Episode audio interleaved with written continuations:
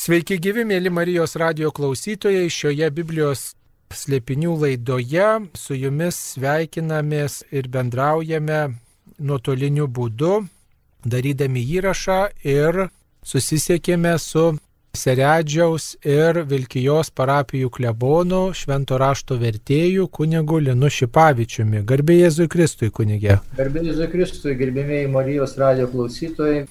Taigi mes taip pat esame to Jėzaus Kristaus karaliaus karališko pašaukimo dalyviai, kaip mes įgyvendiname štai savo gyvenime Jėzaus Kristaus karališką E, pašaukimą, nes kiekvienas krikščionis yra ir karalius, ir kunigas, ir pranašas pagal bažnyčios mokymą. Na taip, tas pašaukimas yra iš tikrųjų labai įdomus ir kalbant apie statistinio tikinčiojo pašaukimą bažnyčioje, tai mes turėtume dar čia turbūt kalbėti labai, labai daug ir labai ilgai. O tos tokios teologinės gyjos, kurios mus veda, aišku, į bažnyčią, ir veda Jėzaus Kristus asmenį, kuris būtent pasireiškia kaip karalius mesijas paprastam žmogui, na, yra labai sunku suvokti ir, ir suprasti, bet m, mm, tas paprastam žmogui karaliaus Kristus suvokimas tai yra būtent malonės gavimas, ar ne? Malonės gavimas, nes e, būdamas Jėzus mesijų, ir būdamas karaliumi, jisai iš tikrųjų padaro tą didį atpirkimo darbą. Didį atpirkimo žygdarbį, kuomet mes esame visi įjungti į didelę vieną tikėjimo šeimą. Ir mes e, galime semtis būtent tų Dievo malonių per sakramentinį gyvenimą.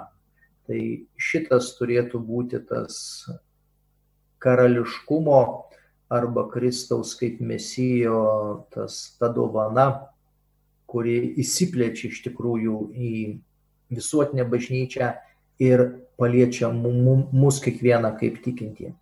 Na, apskritai gal galėtume pakalbėti apie karalių tradiciją. Štai pirmasis žydų karalius yra Saulis, išprašytas iš Dievo, ta ir tas vardas hebrajiškas reiškia. E, kodėl žydams prireikė karaliaus, kodėl jie vis dėlto žvalgėsi į kitas tautas ir, ir norėjo imti pavyzdį lygiuotis į kitas tautas, juk jie turėjo tą tokį mentalitetą, kad mes esam Dievo tauta ir štirmojas Samuelio knygoje devintajame skyriuje rašoma, kad štai pranašas na, vat, patepa karalių e, karaliumi Sauliu, kuris būtent yra išprašytas iš Dievo ir tai apie tūkstantuosius metus prieš Kristų buvo ir tas Saulis tarsi na, toks karalius, kuris na, pagal kitas tautas, o gal reikėjo vis dėlto žydams laikytis tos tradicijos, kad jų yra karalius viešpats Dievas, nes jis juos išvedė iš nelaisvės ir jis yra jų, jų vadas, vadovas, globėjas, saugotojas. Na, turbūt reikia pasakyti, kad Izraelio tauta neatstovėjo E, kitų tautų atžvilgių toje, toje struktūroje. Ir, ir, jie, ir jie iš tikrųjų matė tame, kad, na, būdavo įvairiausios ir karo paliaubos, ir, ir tarkime, kitokios sutartys, galima sakyti, arba sandoros e, tarp kitų tautų ir atstovaudavo būtent, na, e, karalius kitos tautos na, jie to, to tokio atstovo neturėjo ir galbūt buvo toksai gal ir naujovė ir pavydas ir kažkas tai tokio, na ir jie taip pat, e, na dar vis dėlto turėjo sąžinę, galėtume pasakyti, ir kreipėsi pas pranašą Samuelį, sako, mes norime taip pat turėti karalių, kaip ir kitos tautos. Ir tada Samuelis meldžiasi viešpačių Dievui.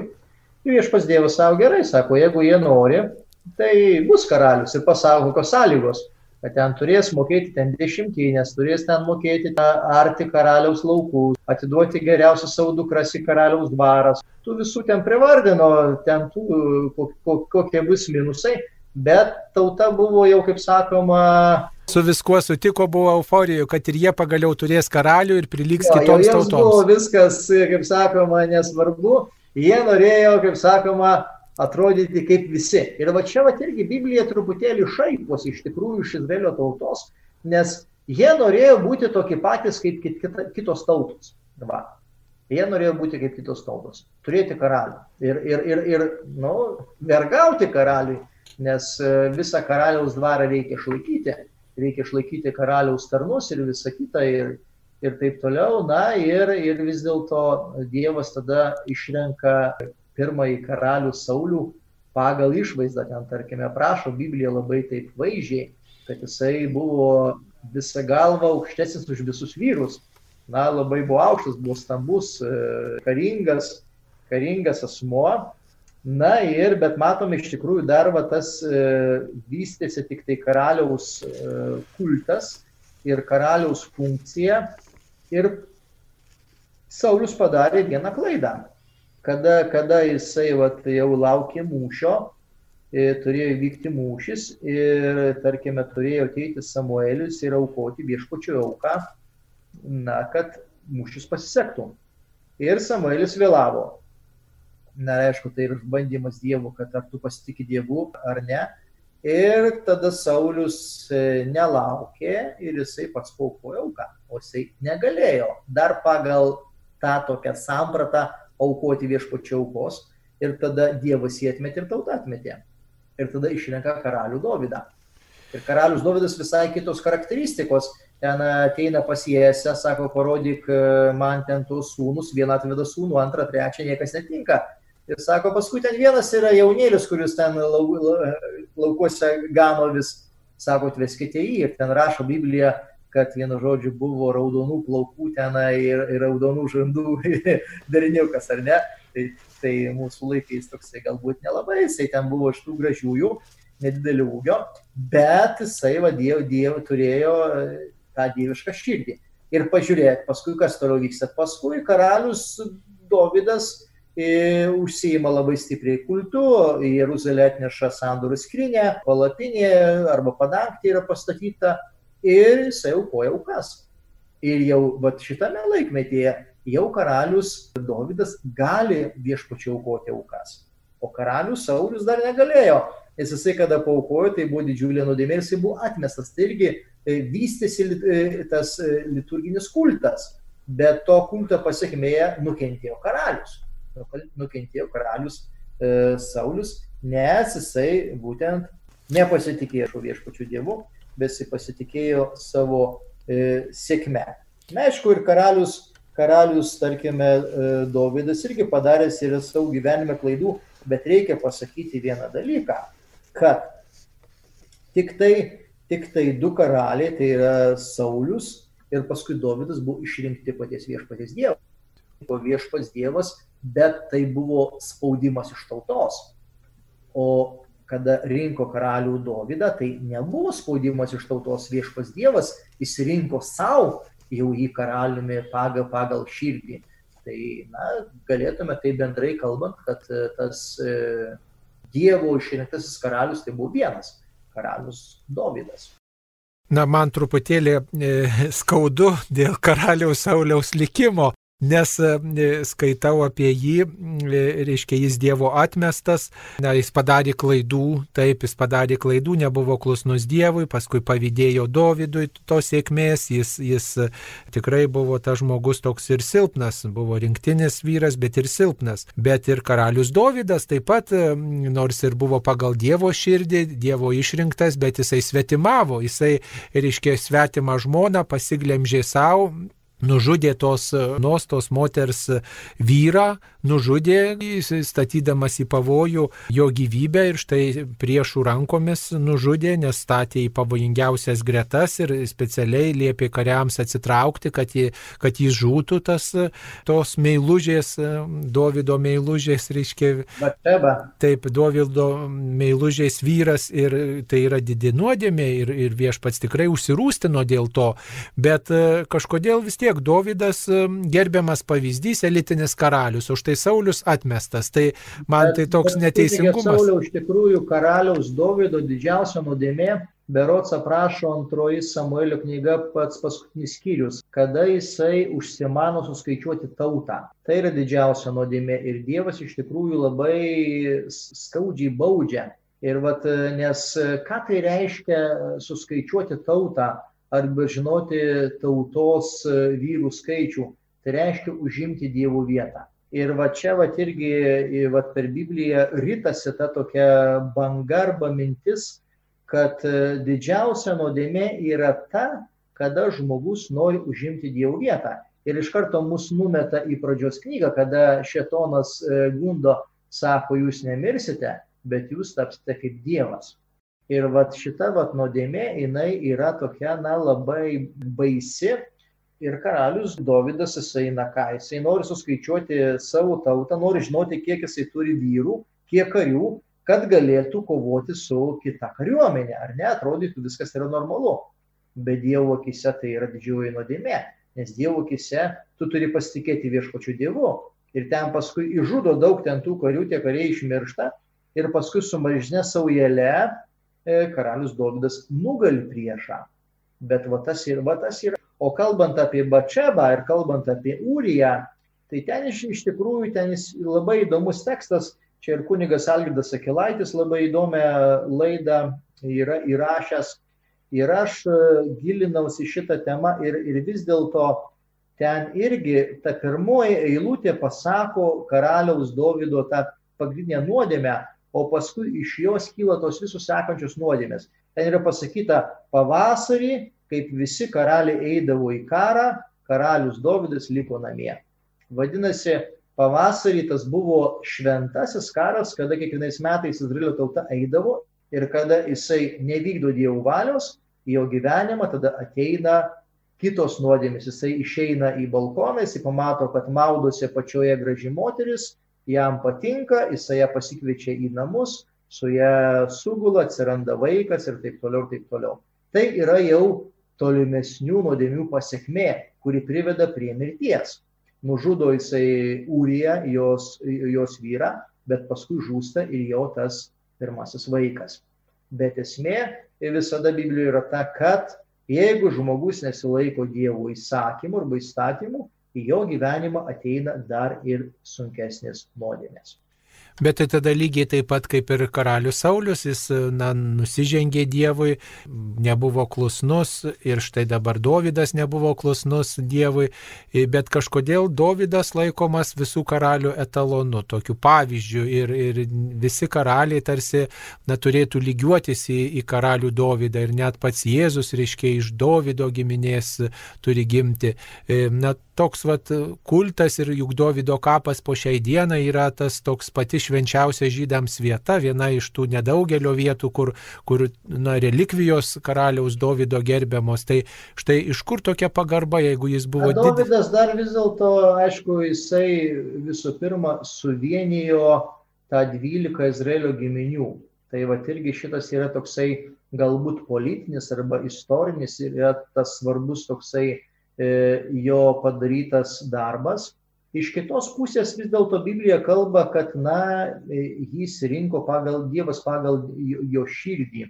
Tai nesvarbu, kad jisai darė ten tų klaidų, bet jisai, na, turėjo tą dievų širdį. Ir tas tekstas yra, kada e, karalių Dovydą persikojo Saulis ir ten yra tokia scena, kad, na, karalius Dovydas galėjo Saulių nužudyti ten buvo tokia scena, bet jisai pasakė, aš viešpatės patektinio nežudysiu. Ne?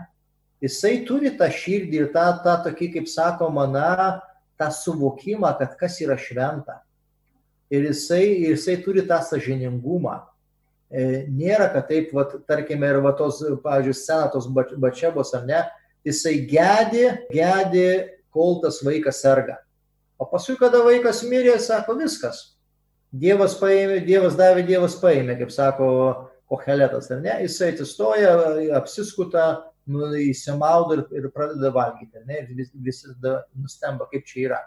Tai vad galbūt Davidas ir per tą va, tokią prizmę, aišku, jisai ten at, at, atnešė ir, ir Sandros skrinė, ten labai gražiai irgi yra scena, kada Davidas su visa tauta neša Sandoros skrinę ir jisai šoka Ir, ir viena, man atrodo, iš Sauliaus karaliaus ten dukterų sako, pažiūrėkite, kaip atrodo tas karalius, kaip koksai, žinai, jaukdarysis iššoka. O ką sako karalius Dolas, sako, man sako, negėda prieš viešpatį Dievą atrodyti kvailai. Tai vis dėlto karalius Dovydas, na, jisai turėjo tokį, mūsų dabar kalba tokį cinkelį, ar ne? Jisai, na, buvo, na, ta, turėjo Dievo dvasę. Jisai jautė tą Dievo dvasę. Nors jisai buvo tik tai žmogus ir mes matome, kad jisai darė nuodėmės. Bet tos nuodėmės, galima sakyti, nebuvo tokios e, piktavališkos, ar ne? Piktavališkos arba piktybiškos. Na, aišku, ten Urija kurie, kaip jis sakė, kad nužudyti, tai čia yra piktavališkumas, jau, čia jau niekaip ne, kitaip nepadarysi, nepasakysi. Bet iš esmės, palyginus, kada formuojas tik tai ta e, monarchinė struktūra karalių Izraelio, tai jisai išliko kaip toksai etalonas. Iš kitos pusės jisai gavo per pranašą, kad ir Nataną, jisai Dievo pažadą gavo. Na ir, ir tai yra, vadinasi, Dievas įsirinko, žinai, o vat tokį asmenį. Na, bet to dar vienas dalykas turbūt, kuris išskiria karalių Dovydą iš visų karalių, tai yra jo atgailos dvasia. Juk ta 51 psalmė, kuri priskiriama karaliui Dovydui, net ir krikščionims, tokia kaip pat atgailos nuotaika, net mes lydėdami, reiškia, mirusiosius, mirusiojo vardu, štai tą atgailos psalmę, kuri Dovydui priskiriama, kalbame be gėdame prie mirusio žmogaus. Tai e, jis atgailavo dėl to, kad nužudė Uriją ir dėl to, kad štai turėjo meilužę, sakytume, jo žmoną e, Bečeba, tai e, ta atgailos dvasia turbūt nebuvo būdinga jokiam kitam Izraelio karaliui. Na, karalius Liau, jos nusaliamonas taip pat turėjo daug tėvo charakterių bruožų. Na, bet, bet, bet tarkime, pažiūrėjau, pažiūrėkime iš kitos pusės. Karalius e, Dovydas sumano pastatyti viešpačių šventyklą ir Dievas sako, tu mane pastatysi šventyklos ir paskui tik tai kronikų knygoje Dievas pasako dėl ko. Dėl to, kad tu praliejai per daug kraujo, bet tavo sunus, Saliamonas, pastatys man šventyklą. Tai va irgi mes matome, kad ir e, karalius Dovido tą ribotumą. Tai nėra vien tik tai, kad jisai, jisai darė tuos e, didžius e, tautai darbus, bet taip pat jisai Dievo buvo truputėlį pristabdytas. Na, kalbėdami apie tuos pirmuosius karalius, karalių Saulių, karalių Dovydą, dar turėtume gal prisiminti ir tokį, na, karalių, kuris, apie kurį labai mažai žinome, bet kuris labai toks simpatiškas ir paminėtas pradžios knygos 14 skyriuje nuo 18 iki 20 eilutės. Tai yra e, karalius ir kunigas Melkizedegas. Ir tai paminėta pradžios knygoje, kad jam dešimtinę davė Abraomas. Gal tai yra nuostata tokia, tokia gairė visiems karaliams, kad vis dėlto karaliai prisimintų, jog savo valdžią gavo iš Dievo ir kad Dievas yra na, virš visko, virš jų valdžios, kokie jie bebūtų. Ir tos nuostatos turbūt ne visi karaliai laikėsi. Taip, ir kiekvienas karalius jisai yra, na, atstovas uh, tautai nuo Dievo, ar ne, jisai atstovauja Dievą ir atvirkščiai karalius atstovauja prieš Dievą tautą. Tai jisai, galima sakyti, tarp tokių dviejų ugnių ir tarp Dievo ir tarp tautos. Ir jisai turi jausti tą labai, na, tą jausmą. Na ir dar koksai svarbus yra dalykas, kad tarkime ir karaliaus Davido laikais, ir paskui Saliamono, karalius vykdė tautoje visus teismus visi teismai, tie pagrindiniai, buvo vykdomi būtent karaliaus. Karalius spręsdavo įvairias bylas. Ir paskui tik tai vėliau atsiranda tokie galbūt ten, na, jeigu nereikšminga kažkokia byla, tai spręsdavo teisėjas. Bet šiaip tai, tai karalius e, atlikdavo kiekvieną teismą, jisai, jisai išklausydavo, tarkime, ir vieną pusę, ir kitą pusę. Ir tada duodavo tam tikrą verdiktą. Tai, pas, tai, tai, tai mes suprantame, kad kad karalius taip pat irgi vykdė tą netgi tokį teisinį funkcionalumą, ne tik tai kaip, kaip, kaip valdovas, kuris ten e, vesdavo tautą į mūšį, ne tik tai, kuris atstovavo liturginį kultą, bet taip pat ir, ir teismus. Ir dar vienas yra labai svarbus dalykas, kad karalius Izraelio yra savininkas Jeruzalės šventyklos. Ne vyriausiasis kunigas ne ten rašto aiškintojai, nes tas, pažiūrėjau, pas mus ar ne, pas mus, sakykime, Kauno katedros savininkas, tai yra arkivyskupas Kestutis Kievalas. Va, jisai yra šeimininkas, ne? O Izraelio tautoje yra karalius. Ta, ta tokia linija paskui pasiėmė anglikonai, ne? Ir pas anglikonus yra ten ir vadovas, ir savininkas, anglikonų bažnyčios yra būtent karalienė. Ne? Tai vat, čia turbūt iš Seno testamento tokia vat idėja prakalbot apie šventyklą, turbūt labiausiai su šventykla būtų siejamas Davido sūnus Saliamonas iš tos Bečebos Urijo žmonos gimęs. Vis dėlto, kad ir tas ryšys nelabai toks Dievo norėtas ir laiminamas buvo, bet tokia ironija, ar čia irgi gal švento rašto toksai, na, žaismingumas arba toks keistumas, kad štai neteisėtas ryšys, na, va, su kareivio žmona Davidas turėjo vaikelį ir būtent Saliamoną. Ir Saliamonas štai tas išmintingasis, tas apdovanotasis, kuris, na, ne tik tai, kad buvo, na, toks šventyklos šventyklos pastatytojas ir puoselėtojas, bet taip pat ir išmintimi garsėjęs asmo, garsėjęs valdovas. Tai turbūt irgi labai ironiška. Ironiška galbūt tame, kad e, vis dėlto Dievas pasmerkė tą nuodėmę e, karalius Dovido ir pirmas tas vaikas mirė kaip, kaip bausmė, kad karalius Dovydas, na, tą žmoną pasiėmė ne, neteisiškai. Bet paskui, kada vat, tas pirmas vaikelis mirė, antras vaikelis atėjo į jų gyvenimą jau su palaima. Ir, ir, dėl, to, ir dėl to jau e, visai kita yra na, perspektyva Ir karalius, kada e, Saliamonas tampa karaliumi, ten labai iš tikrųjų yra nuostabi jo malda, kada jisai prašo, na, išminties pas Dievą. Išminties, kaip valdyti tautą. Ne kažkokių tai lobių, ne kažkokių tai kitų dalykų. Ir dėl to, kada Dievas išgirsta jo tą maldą, jisai apdovanoja karalių Saliamoną daug daugiau malonių.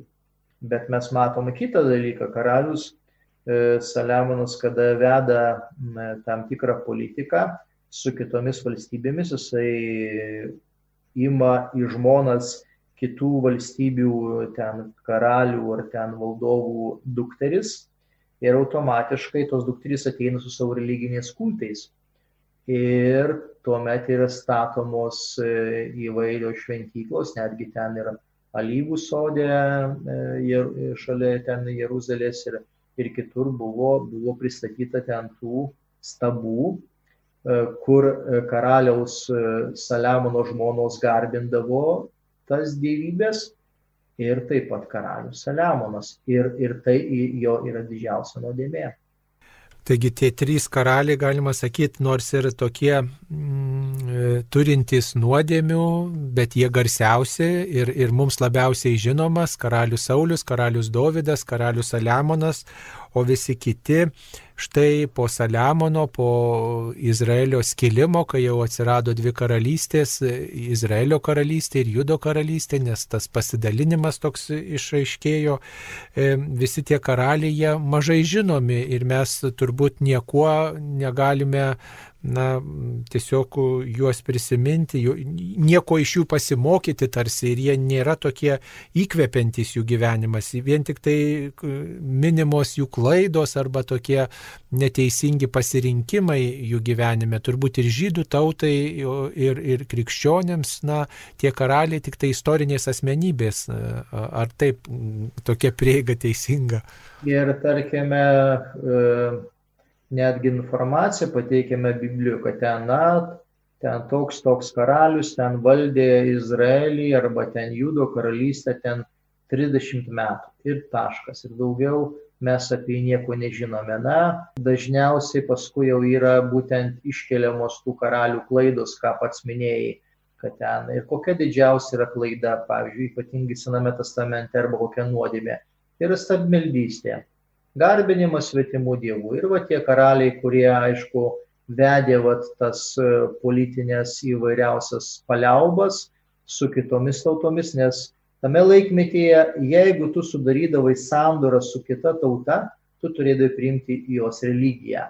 Ir atvirkščiai, ta tauta, kuri, kuri sudarydavo su tavim paliaubas arba sandorą, jinai priimdavo tavo religiją ir automatiškai Izraeliui buvo neišvengiama neišvengiama tas religijos, tas maišatis. Ir dėl to atsiranda ta stabmeldystė, ką iš tikrųjų kovoja paskui tie pirmieji pranašai, ypatingai pranašas Elijas, Eliziejus ir, ir, ir kiti pranašai ypatingų būdų kovoja prieš stabmeldystę. Tai yra didžiausia nuodėmė garbinti kitą Dievą. O ar yra žinoma, kaip tie kiti karaliai būdavo išrenkami, kaip jie tapdavo karaliais, ar tikrai, na, jie visi buvo tokie kietakakčiai, kad, reiškia, nesuprato, jog reikia viešpati garbinti, juk ta Izraelio e, religija, tas Dievo kultas buvo jau įsišaknyjas, buvo ir šventikla, buvo ir kunigai, ir aukos aukojamos, ir štai, na, tas svetimavimas, pernelyg dažna ta karalių nuodėmė buvo tas svetimavimas religinė prasme, kada stabus įsileisdavo į savo gyvenimą, žmonas imdavo iš kitų tikėjimų ir leisdavo joms atsinešti savus dievaičius, savus tabukus. Tai kodėl jie tokie kietakakčiai buvo, kodėl nesuprato, kad vienas dievas yra tikras, tai yra Jahvi, o, o visi kiti tai yra beverčiai. Biblija iš tikrųjų kalba labai tokią tiesią liniją. Jinai kalba, kad pavyzdžiui, na, daugelis karalių užėmė tą vietą neteisėtai, nužudydami tą buvusi karalių ir taip užgrubdami valdžią. Bet Biblija labai aiškiai pasako, kokia, kokiu tu būdu uh, užimi valdžią, tokiu tu būdu ir numirsi. Ir tarkim, jau karalius tenai nužudydavo tą karalių ir ten užgrobdavo ir ten uh, džiaugdavosi tą valdžią, tai tikrai būdavo trumpas laikas ir paskui patį nužudydavo. Kitas iš tikrųjų dalykas, e, na, tas e, pasaulietiškumas vis dėlto taip pat pasiekė Izraelio tautą ir tarkime paskui tie tolimesni karaliai, jie, na, nieko bendro neturėdavo su Dievu arba nieko bendro neturėdavo su religija. Jiems tas e, toksai, na, tiesioginis pasaulietiškas karaliaus valdymas tur, turtų įgyjimas, ten žemių įgyjimas, tenai karų vedim, vedimas ir taip toliau, taip toliau. Ir kada tik tai priskir, prispirdavo jau bėda, kada jau, jau matydavo, kad jau savo išgalėmis, savo galiomis ir, ir, ir netgi tautos galiomis jau nieko nepadarysi, tuomet jau kreipdavosi pas viešpati Dievą. Tai va čia va toksai irgi, irgi tokia linija Ir tai parodoma, kad tie pirmieji dar karaliai, tiek, tiek e, Saulis, tiek e, Dovydas, tiek e, Saliamonas, jie iš tikrųjų dar turėjo tą religinį santykį su Dievu. Bet paskui kiti karaliai, būtent tas toksai pasaulietinis, tas valdymas, pasaulietinis požiūris, jisai iš tikrųjų išmušė juos iš tų vėžių ir jie tapo būtent tik tai tokie, na, pasaulietiniai, bet jau tas, tas religinis kultas jau, jau, jau iš jų tarytum buvo jau atimtas, ar ne, jau, jau buvo rezervuota tada vyriausiam kunigui, žinai, arba tenai, arba šventyklos tarnams, jau karalius per daug nesikiždavo į religinio kulto gyvenimą. Bet kodėl, na ir tas vyriausiasis kunigas ir pranašai, kurie dar buvo, e, neturėjo tokios galios, kad štai, na, tą karalių vis dėlto atverstų į tikėjimą, padėtų atrasti viešpatį. Kodėl tie karaliai, e, na, net, netrasdavo viešpaties, kai matydavo ir tas nesėkmės, ir to svetimavimo tokias liūdnas pasiekmes, juk skaitom ir tas pranašyščių istorijas, kad, reiškia, bus karalystė suskaičiuota, padarys galą viešpats tavo karaliavimo, jeigu tu neatsiversi, nesikeisi. E, kodėl jie nedarydavo jo tokių išvadų, kai, kai tiek vyriausių ženklų gaudavo? Na, matai, šitą tas, e, tarkime, ta monarchinė institucija, kuri, kuri atėjo Izraelį, jinai iš tikrųjų padarė tą perskirą. Padarė tarp e, religinio ir tarp pasaulietinio gyvenimo. Iki tol buvo tas toksai vienas gyvenimas tautos religinis ir, pas, ir kartu pasaulietinis. Bet e, kada atsiranda monarchija, kada atsiranda karalius, kada atsiranda ta visa funkcija, tuomet e, tarytum religija nueina į vieną pusę, o, o karaliaus e, veikla ir, ir valstybės veikla jau įgauna kitą funkciją. Ir tarkime, na, galima sakyti, kad kaip, kaip ir pas mus dabar Lietuvoje. Tarkime, na, mes, mes e, bažnytininkai turime savo tą gyvenimą ir savo, savo visą e, funkcionalumą, o tarkime, valstybės vadovas, valstybės tarnautojai, jie ten turi savo visai kitus prioritetus Ir aišku, per didžiasias šventės jie ateina į bažnyčią, supranti, bet, bet šiaip tai jų ten tas gyvenimas per daug, na, e, nes, nesimato. Tai štai tas, vat, tas pjūvis arba tas lūžis iš tikrųjų monarchinės struktūros, kuri įvyksta Izraelio tautoje, e, atitolina, atitolina tuos du tokius polius, kurie, kurie anksčiau buvo susijungę E, religinis ir, ir, ir socialinis gyvenimas, ar ne? Dabar, dabar, dabar yra tokia didelė atskirtis ir, ir, tarkime, ir tarkime, paskui ta religija tampa tokia marginali. E, tenai, na, ten Biblija, aišku, ten pumpuoja, kad, tarkime, ten, ten yra viskas labai šaunu ir ten viskas yra gerai, bet e, oficialiai taip nebuvo ten tarkime, ta, ta religija, tas, tas pranašų persikėjimai, pasižiūrėkime, ar ne, karaliaus dvare, e, tarkime, buvo tų netikrų 400 pranašų, ar ne, kada mes čia skaitome irgi pirmoje ir antroje karalių knygoje. Ir, ir karalius turėjo savus pranašus, kurie ten jam sakydavo, kada eiti į karą, kada neiti į karą, ką daryti, ko nedaryti, ar ne. Melagingi pranašai. Tai ar jie ir patepdavo tą karalių, na, tokiu teisėtų valdovų, nes vis tiek, jeigu matau, kad karalius nelabai vykęs ir matau, kokią politiką vedė iki šiol ankstesni karaliai, tai galėjo netepti turbūt net tie pranašai. Tai, tai vat klausimas, kas ten į kas įtepė, nes, nes, nes nerašo Biblija, kad kiek, kiekvieno karaliaus patepimą, bet, bet es, esmė tokia, kad kad matyt ten e, tie netikrieji pranašai, na, jie ten vis tiek buvo arba, arba melagingi pranašai, jie ten buvo šalia karaliaus rūmų, jie atlikdavo tam tikrą funkciją, o Dievas pašaukdavo karts nuo karto tą tikrąjį pranašą. Bet tas tikras pranašas, pavyzdžiui, kaip ten tas Elijas išbėtis, arba paskui Eliziejus, tai jie ten kažkokios tai įtakos e, valstybėje per daug neturėjo.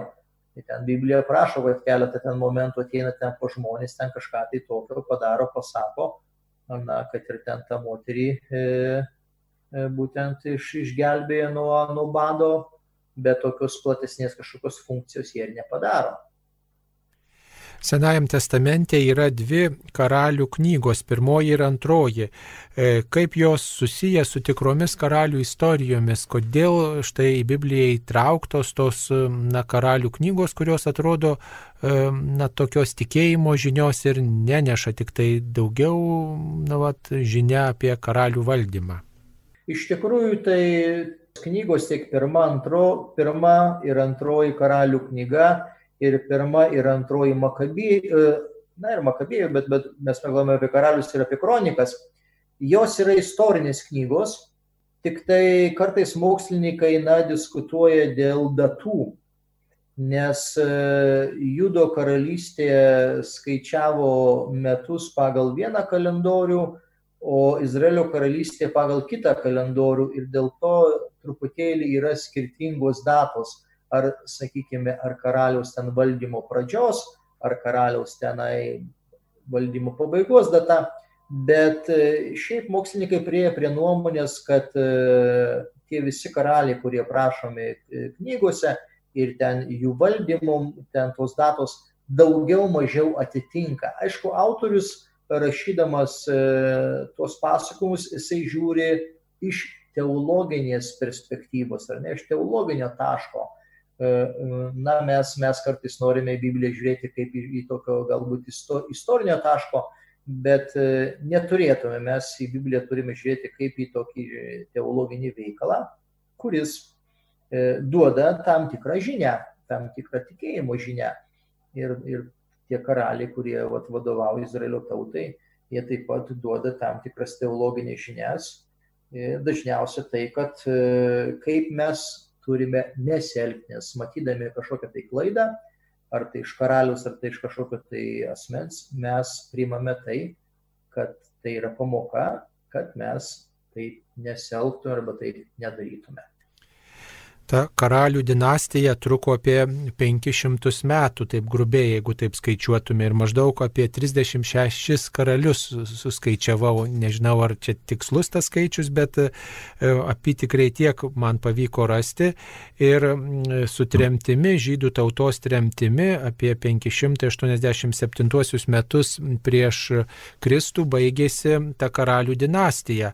Ar galima sakyti, kad tas na, netinkamas tinkamas e, karaliaus e, e, misijos vykdymas ir atnešė tą karalystės tokią griūtį ir kartu na, parodė, kad na, toks tas žemiškas valdovas yra vis dėlto nevykęs sprendimas, kad vis tiek tikrasis karalius turėtų būti Dievas.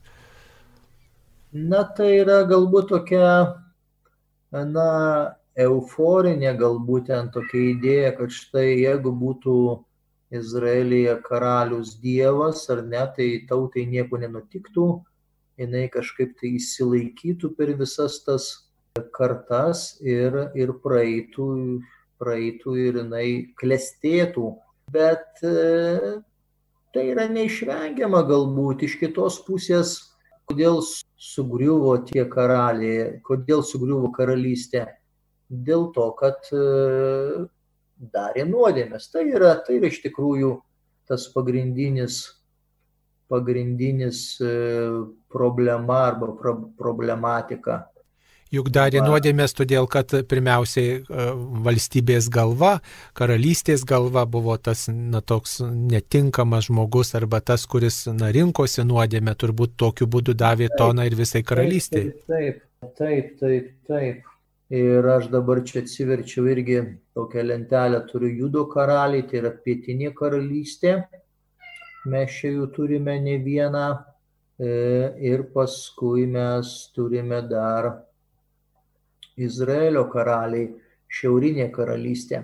Ten iš tikrųjų irgi labai įdomiai vat, e, e, Biblija kalba, kada yra tas jau valstybės kilimas po karaliaus Saliamono mirties skyla į dvi karalystės ir, ir tarkime, na, tas dvylika Izraelio giminių pasidalina e, Izraelio tauta dešimt giminių ir Judo karalystė tai yra dvi giminės Judo ir Benjamino. Ir Judo karalystė yra, tarkime, nu, daug mažesnė, bet jinai ištveria kur kas, kur kas daugiau jinai, tarkime, ištveria iki Babilonijos nelaisvės, nes Izraelio karalystė, jinai pirmąją tokią sukretimą patiria Asirijos nelaisvėje 721 metais. Ir tai irgi Biblija nori pasakyti, kad štai didesnė valstybė, dešimt giminių ar ne, kuri, kuri save laikė stipresniais, jinai pirmoji parklumpa.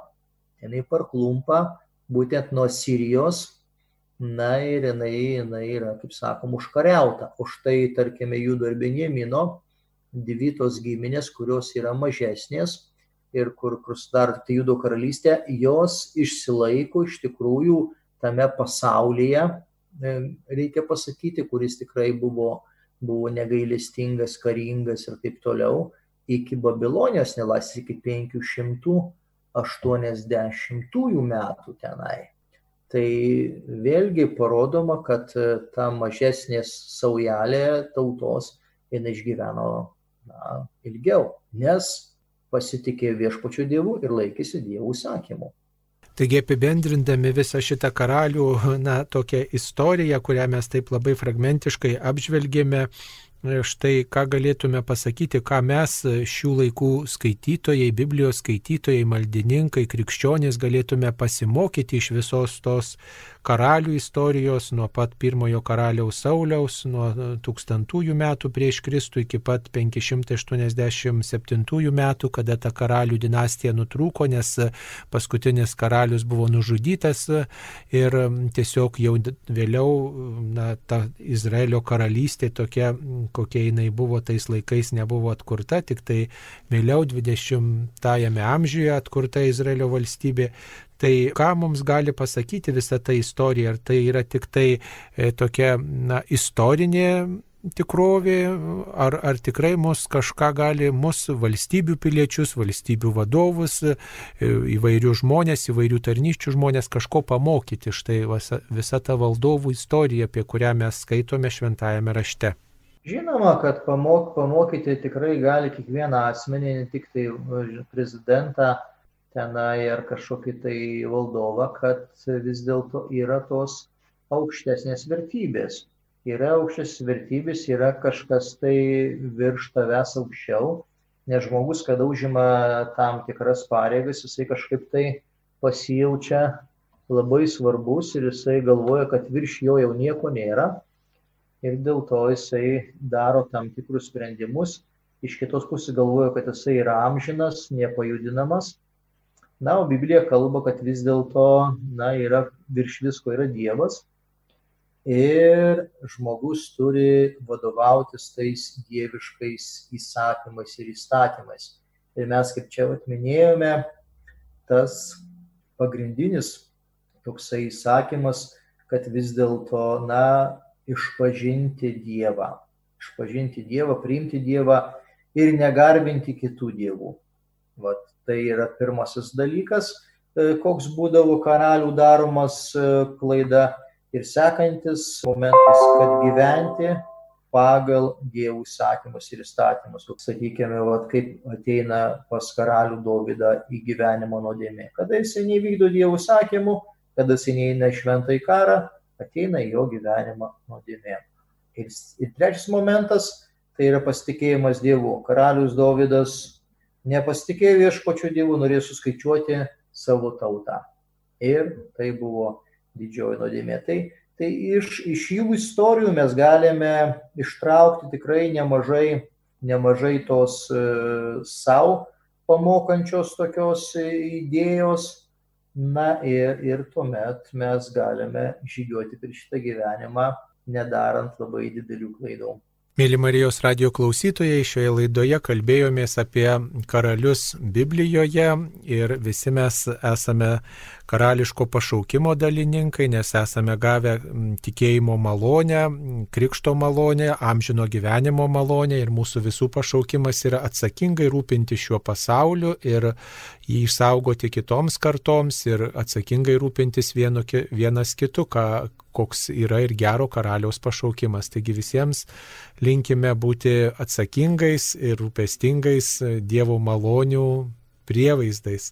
Šioje laidoje jums kalbėjo Seredžiaus ir Vilkijos parapijų klebonas kunigas Linas Šipavičius, įkalbinau aš kunigas Saulis Bužauskas. Visiems gražių, ramių, taikingų dienų. Ačiū sudė. Dėl laiminas Dievas su Dievu.